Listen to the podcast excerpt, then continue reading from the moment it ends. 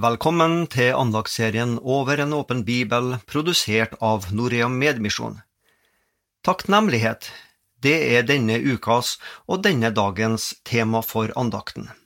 Og navnet mitt, det er Svein Anton Hansen, og det er jeg som skal holde denne ukas andakter. Som nevnt så er det altså takknemlighet det skal handle om. Og overskriften for eh, dagens andakt, det er Takk for at noen gav oss evangeliet. Blant de mange og store gaver som Herren Gud har gitt oss mennesker, må nok evangeliet om frelsen i Jesus Kristus være av de aller største, ja, kanskje det største. Evangeliet, de glade og gode nyhetene om syndenes tilgivelse, er ikke noe enkelte, kloke og filosofisk interesserte mennesker en gang i tida kom på av seg sjøl. Nei, Bibelen lærer oss at dette uventa budskapet, som uttrykker Guds nåde mot oss, det ble født i Guds eget hjerte, og at dette budskapet, det må åpenbares for oss. Paulus skriver følgende til de første kristne om evangeliets opphav. Det intet øye så, og intet øre hørte, det som ikke kom opp i noe menneskes hjerte, det som Gud har gjort ferdig for dem som elsker ham, det har Gud åpenbart for oss ved sin ånd. Første Korinterbrev. Den kristne tro er dermed en åpenbaringsreligion, og ikke et resultat av kloke hoders filosofiske grublerier. Det har Gud gjort ferdig, skrev Paulus. Og liksom for virkelig å understreke at dette ikke beror på menneskelige ideer, så tilføyd apostelen, det har Gud åpenbart for oss ved sin ånd. Hva slags klangbunn finner dette evangeliet når det når hjertene våre? Det tror jeg vil avhenge om vi synes vi har bruk for dette budskapet eller ikke. Hos den som erkjenner og bekjenner sin synd, så vil evangeliet slå rot og takknemlighet vokse fram fra frøene evangeliet planta i en kristen sitt hjerte. Jeg er glad og takknemlig for de gode nyhetene om syndenes tilgivelse og nytt liv i Jesus Kristus. Men har du tenkt over at vi også bør være takknemlige over at noen en gang i tida reiser med den kristne tro opp til oss som bor i Norge? Evangeliet kom ikke bare rekende på ei fjøl. Noen tok sjansen og prøv å kristne disse hedenske og krigerske vikingene. Ja, takk til dem som delte evangeliet om nytt liv i Jesus Kristus med oss. Så er jeg i dag også takknemlig for at jeg kan få leve for misjon, et mye større prosjekt i livet enn bare meg og mitt. Som kristne kjenner vi på gleden over å kunne være med på å utvide grensene for Guds rike på jorda gjennom å engasjere oss i misjon. Og vi kjenner til misjonsbefalinga fra Matteus kapittel 28, når Jesus trådte fram og talte til dem og sa, Meg er gitt all makt i himmel og på jord, gå derfor ut og gjør alle folkeslag til disipler, idet dere døper dem til Faderens og Sønnens og Den hellige ånds navn, og lærer dem å holde alt det har befalt dere. Og se, jeg er med dere alle dager inntil verdens ende. Jesus ba oss om å gå ut og gjøre alle folkeslag til disipler. Disiplene skulle sendes til ulike folkegrupper med språklige og kulturelle forskjeller fra det jødiske folk. Jesus' etterfølgere ønsker å nå nye folkegrupper med budskap om Han, gjennom å bidra til at det vokser fram livskraftige kirker av troende som ved sin bekjennelse og sitt liv igjen tjener nye mennesker. Det er vår viktigste oppgave som troende, å gi mennesker muligheten til å bli kjent med Jesus. Vi bærer med oss et budskap om forsoning mellom Gud og mennesker, og et ønske om forsoning og nestekjærlighet mellom mennesker. Misjonsorganisasjoner ønsker å bidra i Guds rikes arbeid gjennom å støtte og etablere lokale menigheter og fellesskap som bygger på Guds ord. Og det bør være alle troendes hovedprioritet å delta i dette og nå ut til nye folkegrupper som ikke har fått muligheten til å ta standpunkt for Bibelens budskap. I dag så brer evangeliet seg utover jorda, blant annet ved hjelp av mediemisjon.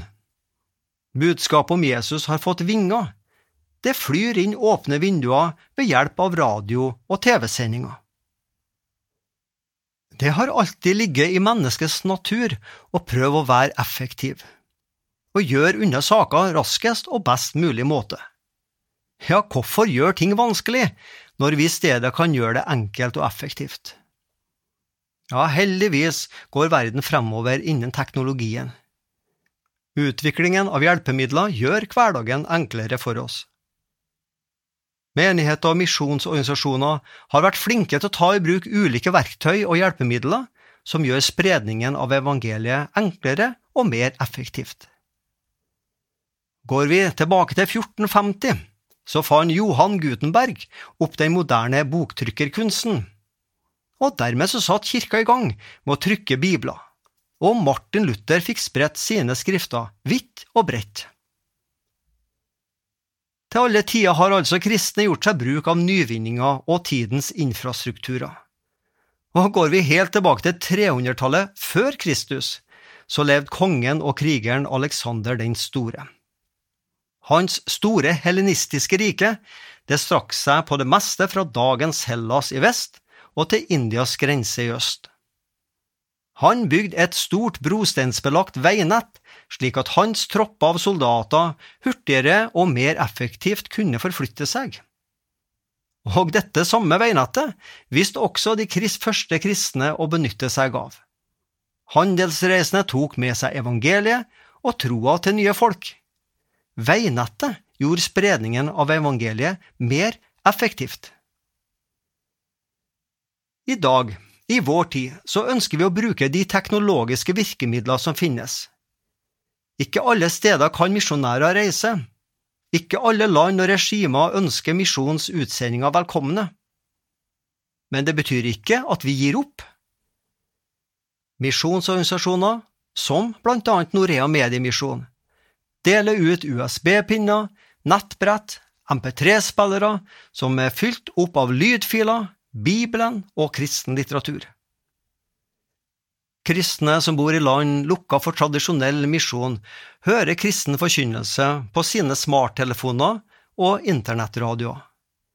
Og på satellitt-TV-en så kan de ta inn kristne programmer sendt fra en satellitt høyt oppe i atmosfæren. Håpet kommer i dobbel forstand ned fra himmelen. Som det står i Salme 147, Herren sender sitt budskap til jorden, hurtig løper Hans ord. En misjonær kan stoppes ved grensa, men lydbølgene og TV-signalene kan ingen stenge ute. De løper hurtig. Slik jobber den moderne misjonsbevegelse og Norea Mediemisjon. Slik har misjonen til alle tider brukt tidsaktuelle hjelpemidler. En gang i tida et brosteinsnettverk, men nå i tida et nettbrett. I evigheta tror jeg vi skal få møte mennesker fra unådde folkegrupper som viser sin takknemlighet til oss fordi vi engasjerte oss i mediemisjon. Jesus snakka en gang om at noen skal ta imot oss i de evige boliger, nettopp fordi vi investerte våre liv i misjon. Jesus sa, Skaff dere venner ved hjelp av den uhederlige mammon, et annet navn på pengene, så de, altså våre nye venner, kan ta imot dere i de evige boliger når pengene tar slutt. Lukas 16, 9. Her i tiden kaller den tredje Gud mer eller mindre takknemlige frelste mennesker til å bruke av si tid, sine penger og krefter for å investere i framtida. Frelste mennesker i evigheten. Så, takk til alle som vil engasjere seg i misjonens store sak og jeg er helt sikker på at du sjøl også vil kjenne på takknemlighet over å få være med i verdens viktigste arbeid. Dermed kan vi si at misjon, det er vår takk for Golgata, ikke som betaling for ei gratis frelse, men som et gjensvar på at Gud først handla i våre liv. Ta imot velsignelsen. Herren velsigne deg og bevare deg. Herren la sitt ansikt lyse over deg og være deg nådig. Herren løfte sitt åsyn på deg og gi deg fred. Amen.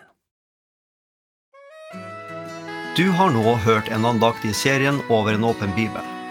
Og det var meg, Svein Anton Hansen, som hadde gleden over å være dagens andaktsholder.